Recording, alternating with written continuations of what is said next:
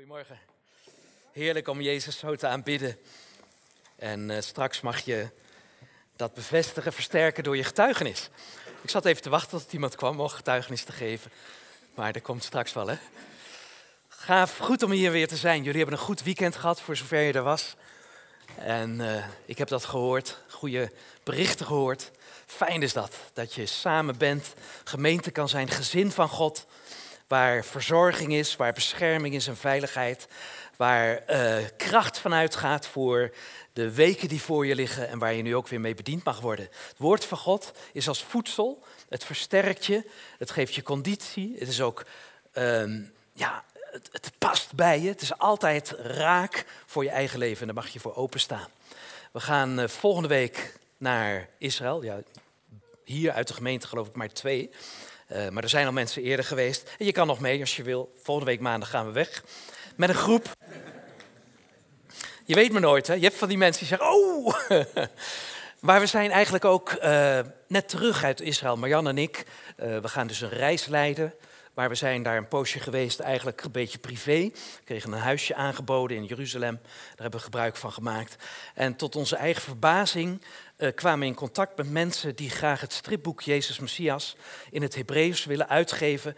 En dat is de organisatie die eigenlijk zijn vertakkingen heeft overal in het land, de Bible Society. We zijn blij dat dat nu vertaald is in het land waar we zoveel aan te danken hebben, voor het volk dat Jezus zo nodig heeft. En daarbovenop kwam er bij mij een verlangen dat we het dan ook aan de Palestijnen zouden kunnen uitdelen. En dat is ook waar geworden. Er was een buurvrouw in ons appartement en die zei: Ik heb contact met het Palestijns Bijbelgenootschap. Dat is weer anders dan het Israëlisch Bijbelgenootschap. Dat zijn gescheiden werelden. Je kent de problematiek. Maar die wilden het ook uit, graag uitgeven. En uh, het gaat nu zelfs straks, als het gedrukt is, naar de Gaza-strook, waar zoveel om te doen is. Veel christenen trekken weg uit de Palestijnse gebieden, maar ze hebben ook Jezus nodig. En uh, het stripboek Jezus Messias is eigenlijk een hele eenvoudige uh, binnenkomer om beter te begrijpen wie Jezus uit Israël is. En mensen die in Israël wonen gaan ontdekken hoe belangrijk hij is voor ons. Omdat Jezus stierf aan het kruis voor onze zonden, opstond uit de dood en ons hoop geeft op een leven waarin geen vijandschap meer is. Hoe gaaf is dat? Jezus, voordat hij stierf aan een kruis, zei hij tegen zijn vijanden, niet zijn vijanden, maar ze waren hem vijandsgezind, Vader, vergeef het hun. En Paulus kijkt erop en die zegt terug en die zegt, er is in Jezus geen veroordeling. Wat een heerlijke boodschap is dat. Nou, voor mensen die mij niet kennen, ik schrijf daarover, ik spreek daarover, ik teken daarover, dus dat stripverhaal ook. Maar ik uh, maak met mijn vrouw ook boekjes. Er liggen er een paar daar. Uh, moet je maar eens kijken. We hebben een paar nieuwe gemaakt. En gelijk maar vier. Uh, gebeurt, soms gebeurt dat ineens. Dan heb je zoveel inspiratie dat je denkt, huppakee, vier. Uh, het zijn cadeauboekjes. En de eerste is, aan jou is alles mooi. Dit is eigenlijk een verklaring van hoe God naar je kijkt. Voor vrienden en vriendinnen. Uh, aan jou is alles mooi. Het is leuk om toch, om toch weg te geven. Kijk, aan jou is alles mooi. Wauw, fijn. Maar we hebben ook een boekje gemaakt voor moeders. Moeders met hoop. Omarmende liefde. Een cadeauboekje voor moeders. Allemaal gebaseerd op genade en wie Jezus kan zijn ook voor moeders. En uh, nou ja, wat is er leuker dan om moeders te bemoedigen? Ik vind dat altijd heel erg fijn. Mijn eigen moeder heb ik vaak mogen bemoedigen. Ze is al lang overleden. Maar ze kijkt nog mee naar wat ik doe. En ik ben nog steeds een bemoediging voor haar. Tenminste, dat denk ik. Ik weet het eigenlijk niet. Maar dat zou toch kunnen, hè? Vaders vol wijsheid. Hè? Dat is ook wat, hè? Van onschatbare waarde. Nou, mijn ouders waren gescheiden, ik heb hier wel over gesproken. Maar ik gun mijn vader die wijsheid die uit genade voortkomt. Met dat in mijn achterhoofd heb ik dat geschreven. En The Passion, dat is mijn favoriete boekje, want het gaat over alles waarover we gezongen hebben. Jezus, wat heeft tien uur gedaan? Wat is er gebeurd aan het kruis?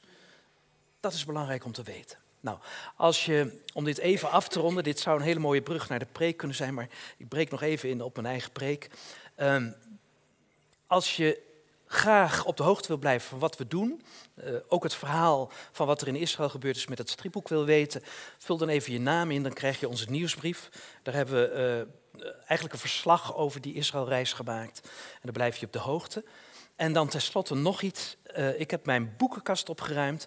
En de linkerhelft van dat tafeltje, waar gratis op staat, daar liggen boeken, die mag je meenemen. Als je denkt van, oh, dat is een interessante titel. De helft is Engels. Het zijn voornamelijk studieboeken. Uh, daar zit ook van Woemek zit erbij en van uh, James Richard, als je die namen kent. En de andere helft is Nederlands. Je moet maar even kijken, er zit ook een stripboek bij over Genesis. Um, als je dat weg wil geven, mag je gewoon meenemen. Dus hoef je niet aan mij te vragen, pak het weg, wees de eerste. Uh, voor de koffie. ik weet het niet, maar ik dacht van, ja, ik, moet ze, ik wil ze graag geven. Mijn boekkast wordt soms te vol en dan moet je even opruimen. En op die manier. Uh, ik geloof in het woord. Ik geloof ook in de kracht van boeken. Hè, want die gaan langer mee dan filmpjes en dan appjes en dat soort dingen. En ik hoop dat je dat deelt en dat je daar wat mee kan doen. Zodat het bij mensen terechtkomt die nou ja, daar net klaar voor zijn, daar hongerig voor zijn. Misschien ben je het zelf, is het voor jezelf. Ik wil met je spreken over een vraag. Waarom werd Jezus gekruisigd? En misschien denk, zit je hier al heel lang en denk je, oh dat weet ik wel. Ja? Nou, laat ik eerst even kijken wat het motief is waarom ik het hierover wil hebben. Dan laat ik een tekening zien. En die heb ik gemaakt 45 jaar geleden. Ik was toen 17 jaar. En dat is een krijttekening van een jongen die omhoog kijkt naar het kruis. En ik kan je zeggen dat ik vanaf, nou bijna vanaf mijn geboorte, maar zeker in mijn tienerjaren, heel veel naar dat kruis gekeken heb en me afgevraagd heb, wat betekent dat? En ik was 12 toen mijn ouders scheiden, mijn vader uit huis ging. En ik was wat ouder toen ik leerde mijn vader te vergeven en weer contact met hem maakte. En daar heeft het kruis een hele grote rol in gespeeld. Ik heb dat net al gezegd. Jezus is de man van vergeving. Jezus is de man die mensen hoog heeft zitten. En ze eigenlijk niet kan veroordelen, omdat hij zelf weet hoe zwak we zijn. En hij is sterk, hij was zonder zonde, maar hij werd net als wij. Aan het kruis onderging hij alles wat wij ook hebben ondergaan. Hij werd zwak. En hij zei in die zwakte, Vader, vergeef het hun. En dat betekent dat wij zelfs in onze zwakste momenten kunnen zeggen tegen mensen die ons iets hebben aangedaan of waar we het moeilijk mee hebben, ik vergeef je. Dat is de betekenis van het kruis. En die kracht, die helpt ons om ons weer te verbinden met elkaar. Dus dat kruis is ook een verbindingsmiddel. Nou, ik was 17 toen ik dat tekende. En uh, ik kwam bij mijn vader weer terecht. Wij spraken over vergeving. Er was een moment dat hij dat ook min of meer aanvaarde. In het begin helemaal niet. Uh, maar toen heb ik hem deze tekening gegeven. Het is een grote plaat op hardboord geplakt. En die heeft hij boven zijn uh, trapgat gehangen. En daar heeft hij gehangen tot aan zijn overlijden.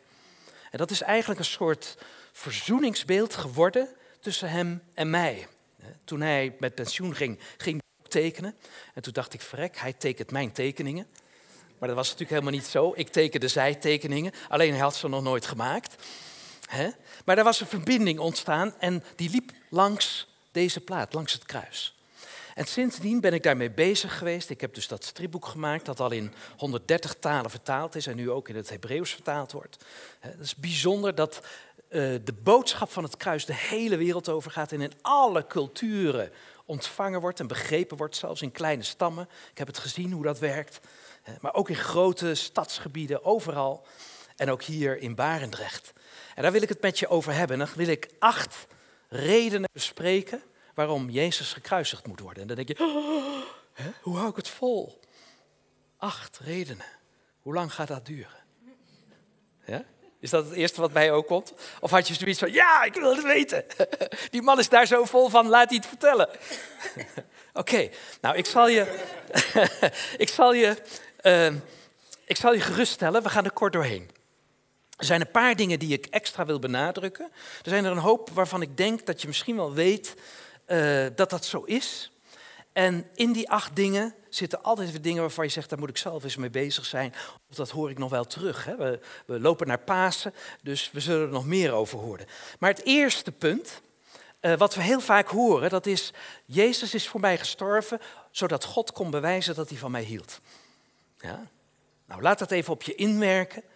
Jezus stierf aan een kruis en dat kruis is verschrikkelijk, is afschuwelijk. Ik schrijf daarover in uh, dat boekje The Passion. Uh, wat Jezus meemaakt aan het kruis. Maar wat God daarmee deed, is bewijzen dat hij zijn zoon voor ons over had. Of om het nog strikter te zeggen, dat hij naar deze wereld kwam als de zoon van God. Om zelf zijn leven te geven voor ons. Wat een liefde. Ja. De Bijbel zegt, je kunt misschien nog wel je leven over hebben voor een vriend, maar voor je vijanden.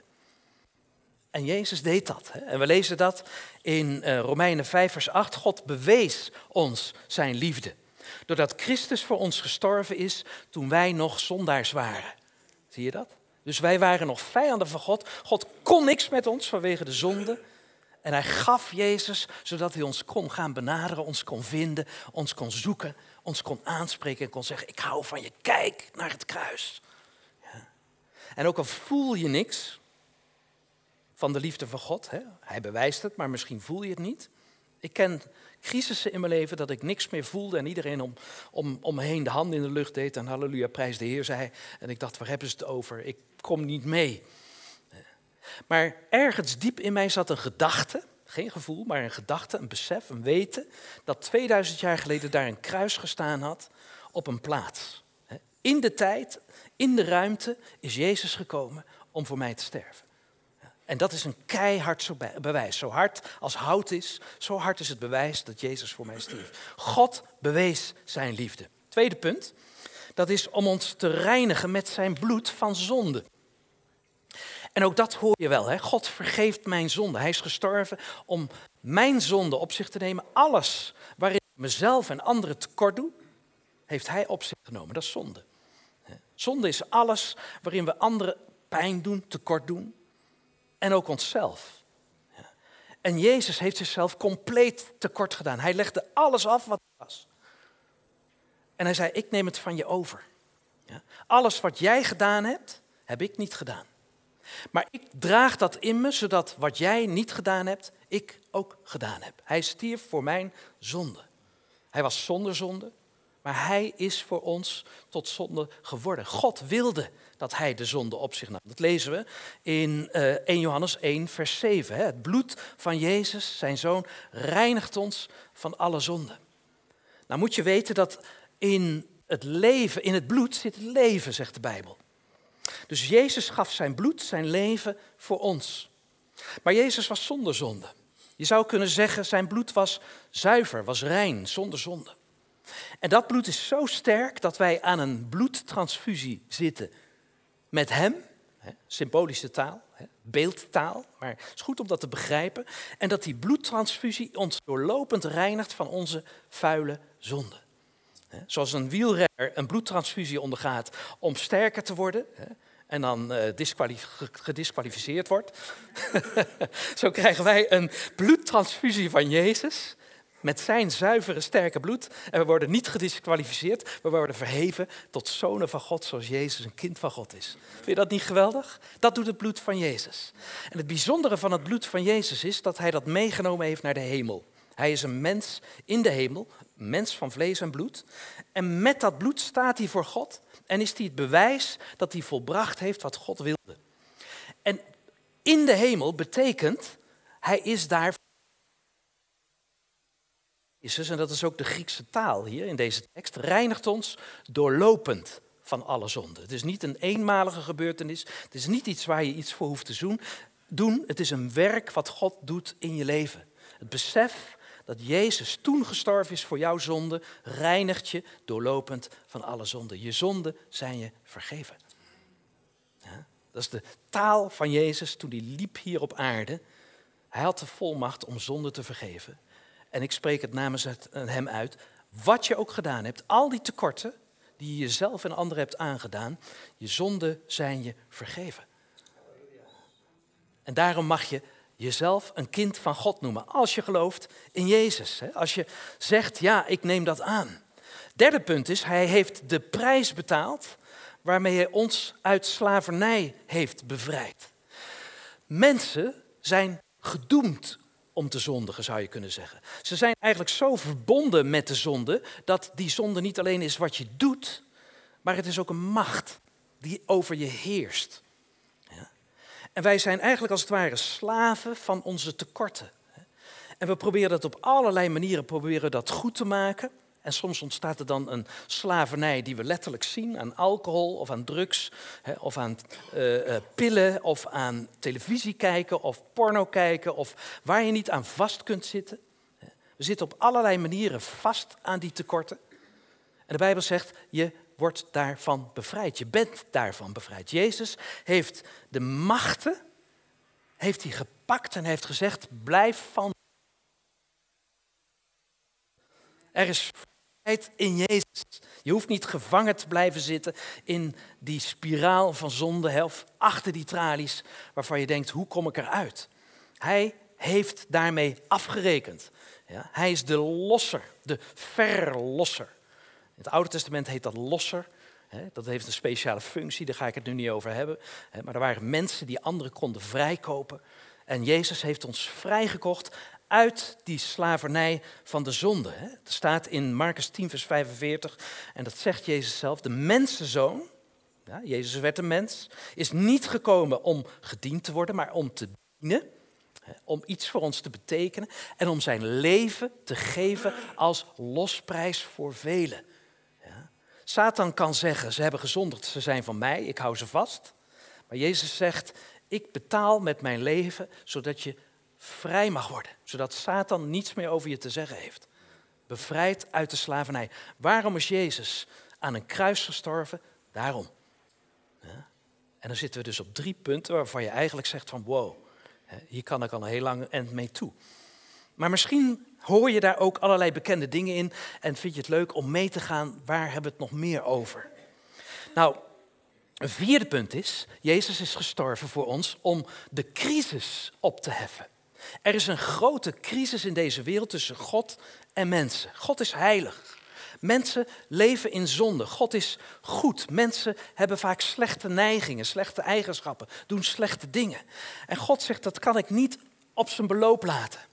Er is een zaak tussen mensen en God. Ja?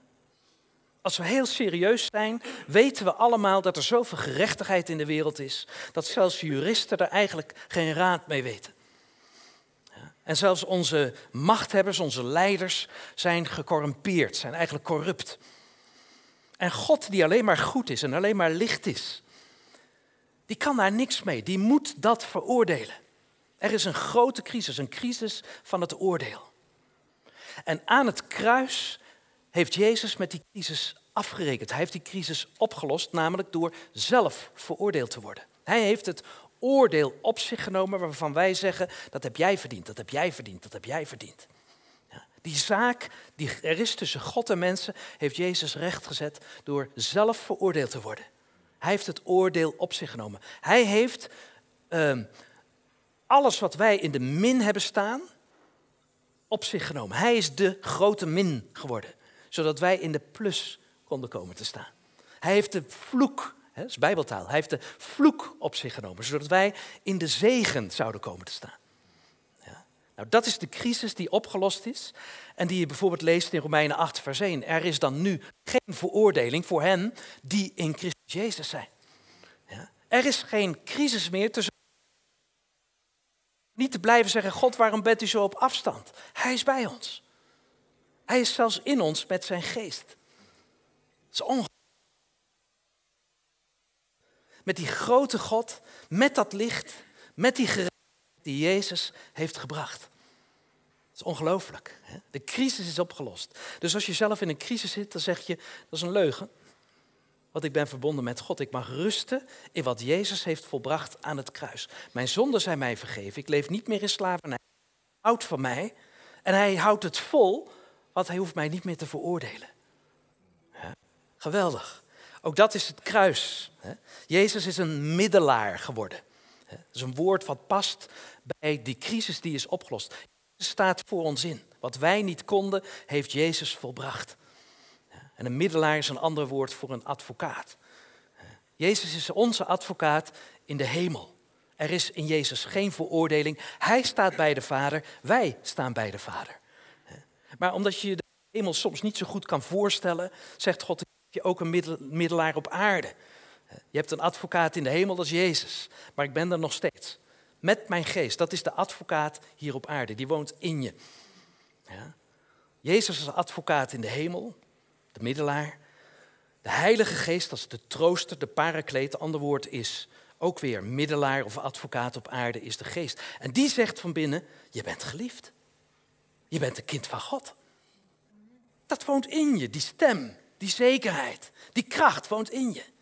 En dat heeft Jezus bereikt aan het kruis. Toen Jezus zei, Vader, in uw handen geef ik mijn geest. Toen zei God, oké, dan neem ik die geest en die geef ik aan alle mensen die in jou geloven. Dat is gebeurd aan het kruis. Ongelooflijk, hè?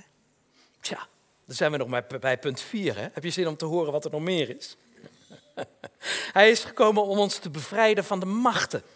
Van zonde, dood en hel. Jezus wordt de redder genoemd. En misschien, je hebt mij al een beetje horen praten erover dat zonde een macht is. Dus niet alleen wat je doet, maar echt een claim, een, een, een onzichtbare claim op mensen. Nou, de machten van deze wereld hebben in deze wereld vrij spel. Je ziet ze niet, maar ze zijn er wel. En zodra je naar het buitenland gaat, merk je, hé, hey, er is een andere sfeer dan in Nederland. Ja. Er zijn machten aan het werk, andere invloedssferen. En kom je terug in Nederland, dan denk je, oh, dat is Nederland. Toen ik vroeger in Oost-Europa werkte, in het communistische was daar geen reclame. Dus die enorme zuigkracht van het kapitalisme was daar niet. Hè. Er was een andere zuig, uh, zuignap. Hè. en dat is Karl Marx, hè, het communisme. Maar dat was een totaal andere invloed dan het kapitalisme. Je zag daar niet van die grote borden. Hè, met allemaal uh, reclame. Dus als ik vrienden uit Polen meenam na een heleboel gedoe met visums naar Nederland. en we reden over de straten. keken ze hun ogen uit naar al die reclame. En je kunt zeggen, nou ja, dat is een verzinsel van mensen. Maar daarachter zitten machten van hebzucht, hè, van, van uh, uh, verdoving haast ook. Hè, van spullen die je hebt en, en waar je mee bezig bent. Hè. En een van de meest wonderlijke machten die zij zagen, en die ik al lang niet meer zag, was de macht van seks. Die openlijk hier tentoongesteld wordt op allerlei manieren. Zeg maar de, de opwekkende uh, lust die in allerlei manieren, allerlei uitingen naar ons toe komt, die hadden ze daar niet. Niet dat, dat daar geen overspel was en seksuele verleiding, maar die zat in een hele andere hoek. Dus die machten hadden hier veel meer vrij spel. In Israël, als je in Jeruzalem bent, heersen daar de machten van de wet. Het orthodoxe christendom of orthodoxe jodendom, Christendom? Nou, dat moet je hier op de Bijbelbelt zijn. Hè? Maar daar heerst de macht van de wet. Als je door die wijken loopt, voel je dat. Je wordt bekeken, je wordt beoordeeld. Hè? En mijn vrouw wordt uitgescholden als haar armen bloot zijn. Of ze een broek aan heeft in plaats van een rok in die wijken. Echt letterlijk uitgescholden op straat. Wat doe je hier? Maak dat je wegkomt. Dat is de macht van de wet. Als je door islamitische wijken loopt, want die zijn er ook, is er ook een macht van de wet die heerst. Wat doe je hier? Hè? Houd je aan de geboden, houd je aan de voorschriften. Ja? Uh, in Jeruzalem uh, uh, ligt het hele openbaar vervoer plat op zondag, of op zaterdag, sorry, op de sabbatdag. Dus niks met de wet hebben, die seculier zijn, gaan gebukt onder dat soort besluiten die genomen zijn onder invloed van de wet. Kom je in Tel Aviv, hè? dat is iets van 60 kilometer verder, heerst de wet, heerst de macht van de lust dan lijkt het alsof je door Amsterdam loopt. Er zijn machten werkzaam in deze wereld. Machten van zonde, machten van hel, machten van dood. Want uiteindelijk al die machten willen dat wij ziek, zwak, misselijk, uh, uh, verslaafd, allemaal dat soort dingen zijn. Het eind van het liedje is dat we allemaal zullen sterven. En die machten hebben vrij spel in deze wereld. En het wonderlijke is dat Jezus gekomen is en gestorven is aan het kruis om al die machten in zijn lichaam ingeslagen te krijgen. Die complete duisternis van de wereld die is eigenlijk als het ware samengebald en in Jezus terechtgekomen. Want ze hadden zoiets van, er is één man zonder zonde, die kunnen we niet pakken. De rest van de mensen wel. Maar als we nou die ene mens zonder zonde wel kunnen pakken, dan hebben we iedereen. Om even maar voor te stellen hoe, plastisch voor te stellen hoe die machten werken. Ze zijn ingeslagen in Jezus. En er staat in de Bijbel, dat mag je met me lezen in Colossense. Of. Uh, uh, nee, is dat niet Colossense? Of zit ik nu. Uh, oh, ik zit al één verder. Oké. oké. ja, maakt niet uit. De zoon is een mens geworden, Hebreeën 2, vers 14. Als wij, om met zijn dood definitief af te rekenen, heerser over de dood, namelijk de duivel. Dus concentreren we ons even op de dood. Jezus is gestorven, maar hij is ook opgestaan uit de dood. En de machten leiden ons naar de dood. Maar er is overwinning over de dood. De dood voor ons is een verhuizing. Een verhuizing. En het is soms moeilijk om afscheid te nemen van mensen, maar we zullen ze terugzien. Dat is ongelooflijk. Dat is onze troost, dat is onze hoop.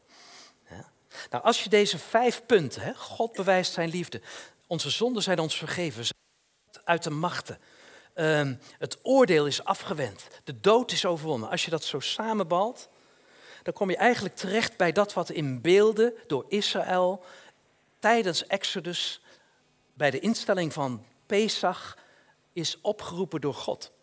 Ik weet niet of je die geschiedenis kent. Mozes, die het volk uitleidt als het zover is.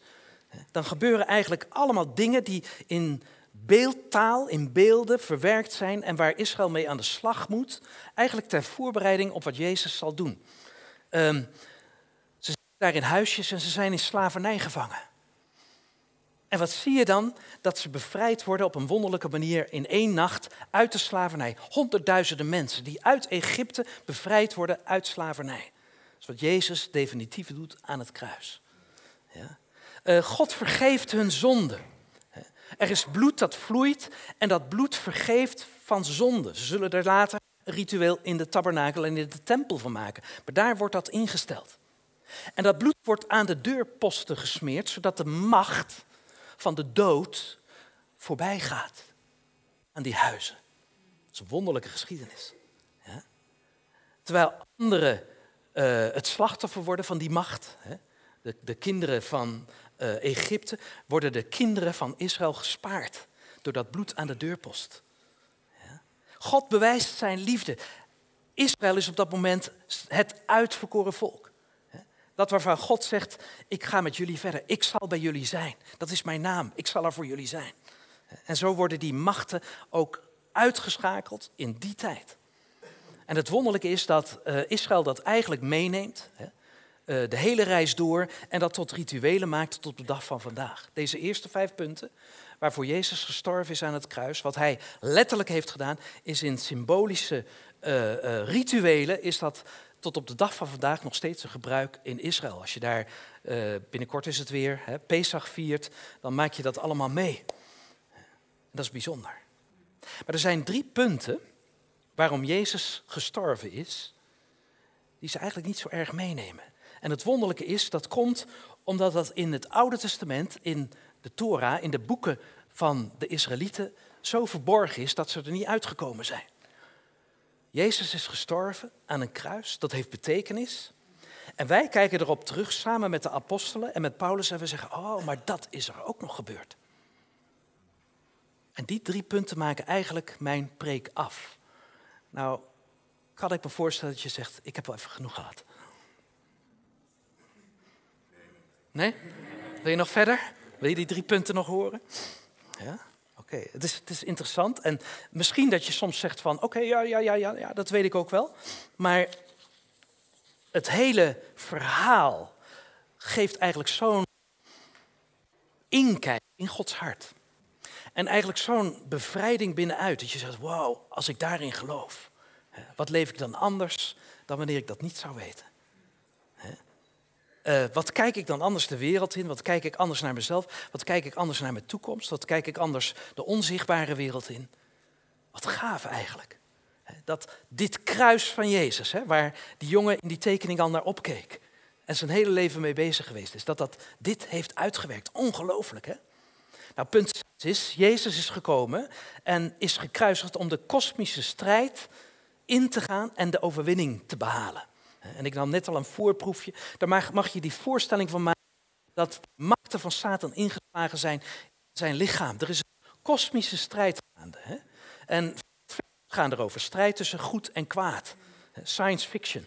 Of uh, spelletjes, games die daarover gaan. Strijd tussen goed en kwaad. Waar halen mensen dat vandaan? Omdat ze binnen weten dat het een realiteit is.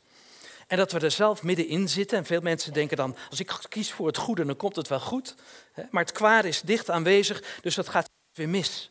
En soms schrikken we van mensen die zo goed waren, tot er een, eh, een, een, een, een eh, luikje open gaat en je denkt van, oh, wat een smeerboel zat er eigenlijk onder. En dan zijn er wetenschappers die zeggen, ja, maar het kwaad zit in iedereen. Het kwaad is eigenlijk zo doodnormaal dat het verborgen blijft en we zien het niet eens. Totdat we ervan schrikken omdat iemand iets extreems doet. En als we daarover nadenken, denken we, we hadden het zelf ook kunnen doen. Als we eerlijk zijn. We zijn allemaal betrokken in die kosmische strijd waarvan God zegt, ik wil het goede. Ik wil dat je zult leven. En we worden getrokken eigenlijk in die doodsmachten die zeggen, maar ik wil dat je vernietigd zult worden. Een kosmische strijd.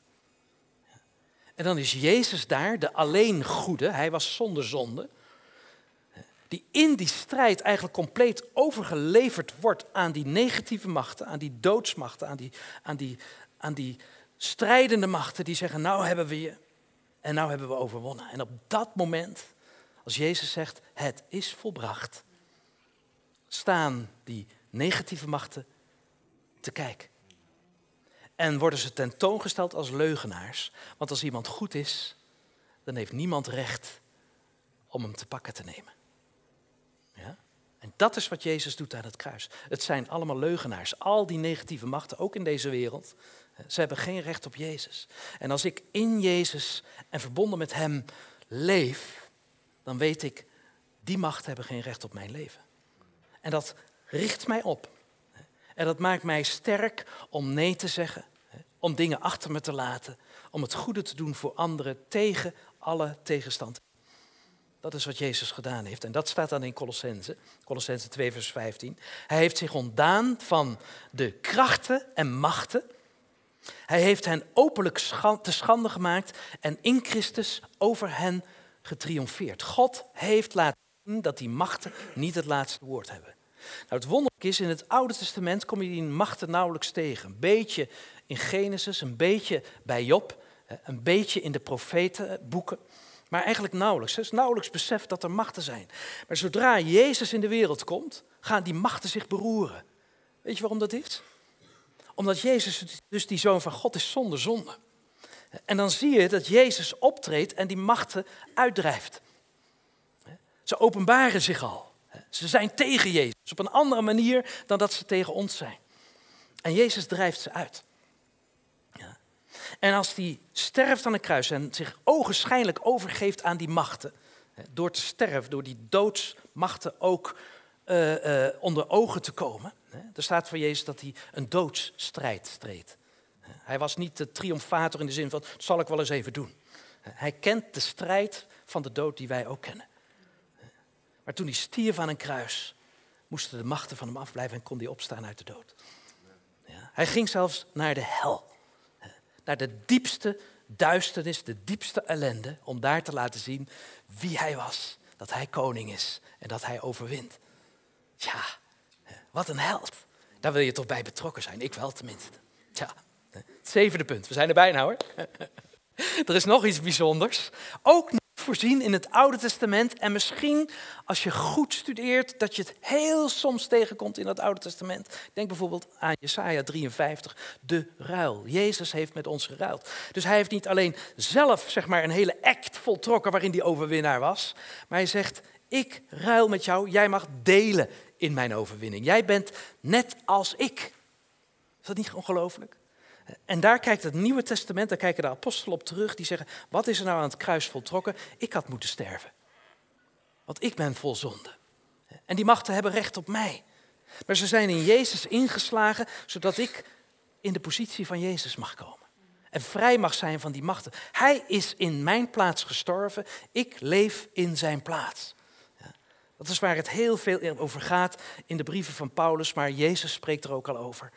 En ook de andere apostelen spreken erover. En Jesaja, die profeet in Jesaja 53, eh, eh, die voorzag het. Die voorzag het. Die zei, om onze overtredingen eh, werd hij getuchtigd. Ja? Daar gaat het over. De ruil. Jezus heeft met ons geruild. 2 Korinthe 5 vers 21. God heeft hem, Jezus, die de zonde niet kende. Zie je, Jezus was zonder zonde. God heeft hem tot zonde gemaakt. God wilde dit. Jezus wilde dit. Dit was zijn bewijs, zijn werk om te laten zien hoe graag hij wil dat we er zullen zijn. Dat we waardevol zijn, dat we liefd zijn. Opdat wij, staat er dan, uh, door hem rechtvaardig voor God konden worden. Jezus werd voor ons zonde. Wij zijn door God goedgekeurd. Jezus werd afgekeurd. Wij zijn goedgekeurd. Jezus werd onrecht aangedaan. En het onrecht wat ons aangedaan zou moeten worden, is aan ons voorbij gegaan. Wij zijn recht gezet voor God. Gerechtvaardigd betekent recht gezet. God heeft ons recht gedaan. We mogen recht voor God staan. En zeggen, ik mag er zijn voor u, u bent er voor mij. Is dat niet ongelooflijk? Je zonden zijn je vergeven. En daarbovenop zegt hij, je bent zo waardevol dat ik je recht zal doen. Je mag er uitkomen, je mag tevoorschijn komen zoals ik je zie. En in dit leven, daar hebben we dit leven voor gekregen, komt dat op gang. En komt dat beschikbaar, dat heet vruchtdragen in bijbeltaal.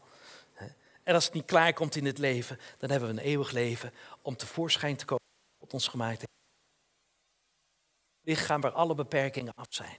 Dat is het vooruitzicht wat we hebben. Maar we zijn nu al gerechtvaardigd. We zijn nu al goedgekeurd door God. Dus alles wat in de toekomst naar ons toe komt. de toekomst is de hemel. Wat nu al naar ons toe komt in die verbinding met de Heilige Geest. dat werkt al uit wat God in ons ziet. Nou, dan is het leuk om te leven. Dan is het echt leuk om je leven te leven. Te zien wat God doet. Wij zijn gerechtvaardigd. Dankzij Jezus. Hij heeft met ons geruild. Ja? Geweldig. Hij is aan ons gelijk geworden, zodat wij aan Hem gelijk zouden kunnen worden. Ken je dat boekje, Aan Hem gelijk? Oswald Chambers. Heel oud boekje. Hm, dagboekje. Heeft mij geïnspireerd om ook dagboeken te schrijven. Ja. En dan het achtste punt. ik zal niet meer stoppen, dat zou flauw zijn. Maar het achtste punt, ja, dat is, ik vind het wel het hoogtepunt. Heb je hem al geprojecteerd? Jezus heeft de oude Adam vervangen voor de nieuwe Adam. Dit zegt eigenlijk in een soort compleet plaatje waarom Jezus gekruisigd is en wat hij voor ons betekent. Er is niemand die dat voorzien heeft. Weet je dat in het hele Oude Testament Adam gewoon niet voorkomt, behalve in Genesis 1? Dat is eigenlijk heel gek. Adam, de eerste mens, door God gemaakt, in Genesis 1, begint er bijna mee. Zou je zeggen, nou, dat is dat zo'n belangrijke figuur. Die zullen we steeds zien op in het Oude Testament. Nee, eigenlijk niet. Uh, het gaat over Abraham, het gaat over Mozes, die komen allemaal terug. David, weet je wel. Maar Adam helemaal niet. En dan komt Jezus en ik moet je zeggen, die heeft het ook helemaal niet over Adam. Die zegt, ik ben niet Adam is, maar ik ben. Hè? Zoon van God, uh, mensenzoon, uh, goede herder, weet ik wat hij allemaal niet is. Een heleboel. Ik ik even niet uh, kleineren. geweldig wat hij allemaal is. en ik weet een heleboel van wat hij is, maar ook een heleboel niet. Daar hebben we leven lang niet genoeg aan. Maar we zullen hem straks zien zoals die is, zegt de Bijbel. Maar dan kijkt Paulus daarnaar. Dat is heel bijzonder. Hè? Paulus, als je, als, je, als je liefhebber bent van Paulus, dan denk je, hoe komt hij daaraan, joh? Dat kan alleen maar de geest van God zijn die hem dat inprent. Ook van die ruil en dat soort dingen. En die machten die er zijn en zo. En dan kijkt hij naar Jezus en zegt hij, verrek joh. Er was daar ergens een oude Adam. En met die oude Adam is eigenlijk alles begonnen. Ja, want die oude Adam die zei van, uh, ik wil eigenlijk zelf bepalen wat goed en slecht is. God had gezegd, het is goed, zeer goed. En die oude Adam met zijn vrouw die zei van, uh, ik weet niet of het wel zo goed is. Hè? Dat zei de slang ook, weet je wel. In twijfel brengen of God wel zo goed is, of wat hij gemaakt heeft wel zo goed is, of jij wel zo goed bent. Hè? Dus met dat eten van die boom van kennis van goed en kwaad kwam het oordeel in de wereld, ben je goed of ben je slecht? En met het oordeel in de wereld sloegen ze elkaar de hersens in, gelijk die kinderen van Adam en Eva al. Ja, ja. En er vloeide bloed op de grond. En dat sopte de aarde. En dat bloed vloeit nog steeds. Verschrikkelijk. Wat een bloed er niet vloeit in deze tijd. Enorm. Ja, je hebt ook zoveel mensen. Ja, maar ook zoveel ellende met die mensen. Ja, en dat gaat maar door. En Paulus die kijkt ernaar en die zegt, er was een oude Adam en daar is het allemaal mee begonnen. Maar joh, ik zie Jezus en dan is Jezus eigenlijk de nieuwe Adam. dan is hij eigenlijk die nieuwe mens waarmee God een nieuw begin maakt. En dan hoor ik bij hem en dan ben ik ook van dat nieuwe geslacht, van die nieuwe soort, de nieuwe mens. Ja.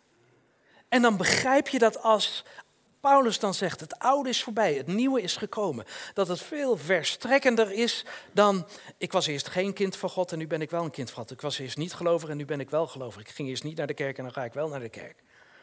Of ik eerst, had eerst oude schoenen en nu heb ik nieuwe schoenen aangetrokken. Het oude is voorbij, het nieuwe is gekomen. Joh, dit gaat echt over zo'n wezenlijk iets. God heeft iets nieuws geschapen in Jezus. En zoals hij zei, ik spreek en het is er. En het is goed, zeer goed. Zo heeft hij dat opnieuw gedaan in Jezus. Jezus is als een nieuwe mens opgestaan. Die oude is gestorven. Die oude adem is klaar. En Paulus noemt Jezus en met ons de nieuwe mens, de nieuwe mensheid. En daar zijn we deel van. Wij zijn echt een nieuwe schepping. Wij zijn echt een nieuwe schepping. Wij zijn ondergebracht in die nieuwe structuur die God geschapen heeft in Jezus. En dan denk je van ja, maar mijn oude ik is. Hè? En kijk maar, dat vlees is, hè? dat wordt nog steeds ouder. Hè? Er zitten zelfs rimpeltjes in. Weet je wat Paulus zegt? Helemaal niet. Helemaal niet. Hij neemt jou bij zich zonder rimpel. Hm? Efeze 5. Ja. ja. God ziet die rimpels niet, hè? Nee, die ziet hij niet, hè? Die ziet hij niet. Nee.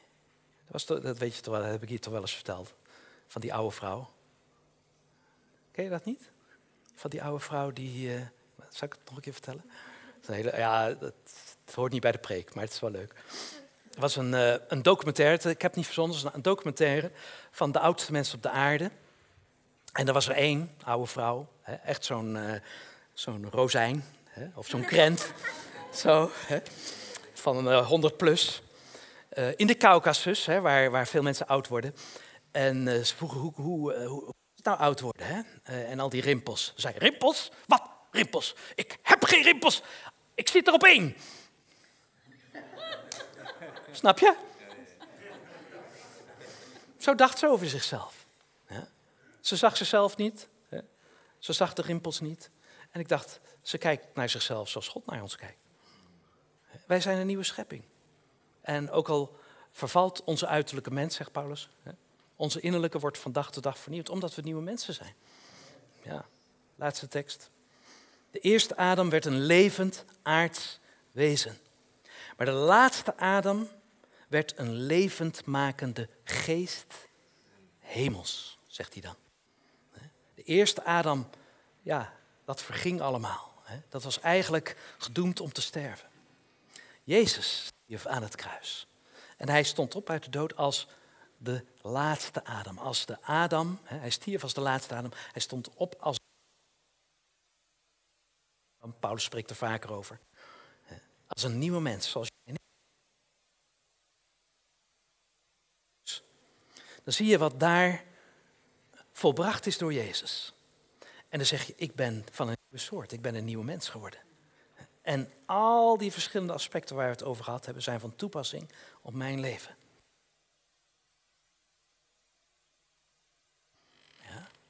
En dit tijd komt voortdurend naar ons toe.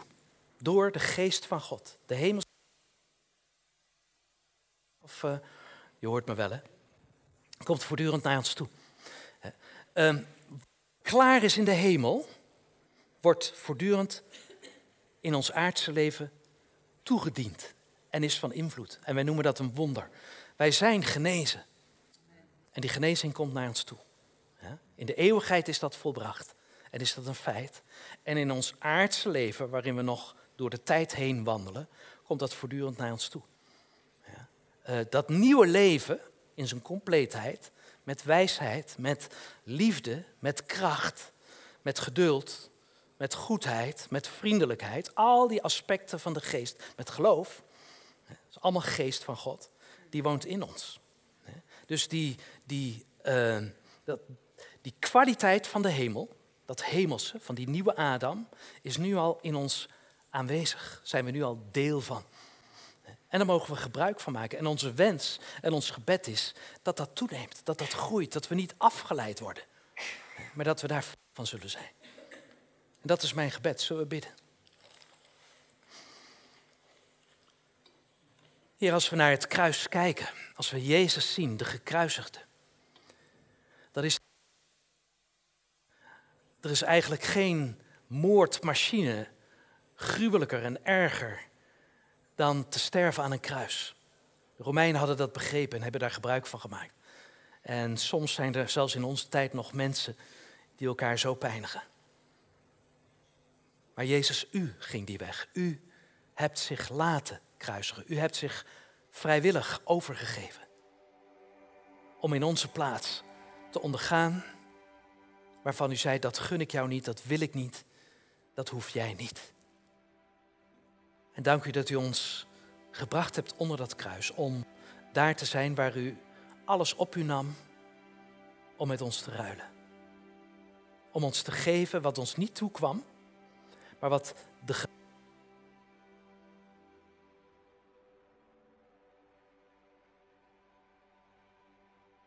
op alle gebieden. Heer, en mogen we nog sterker begrijpen wat u aan het kruis deed. En de kracht van uw opstanding nog meer ervaren.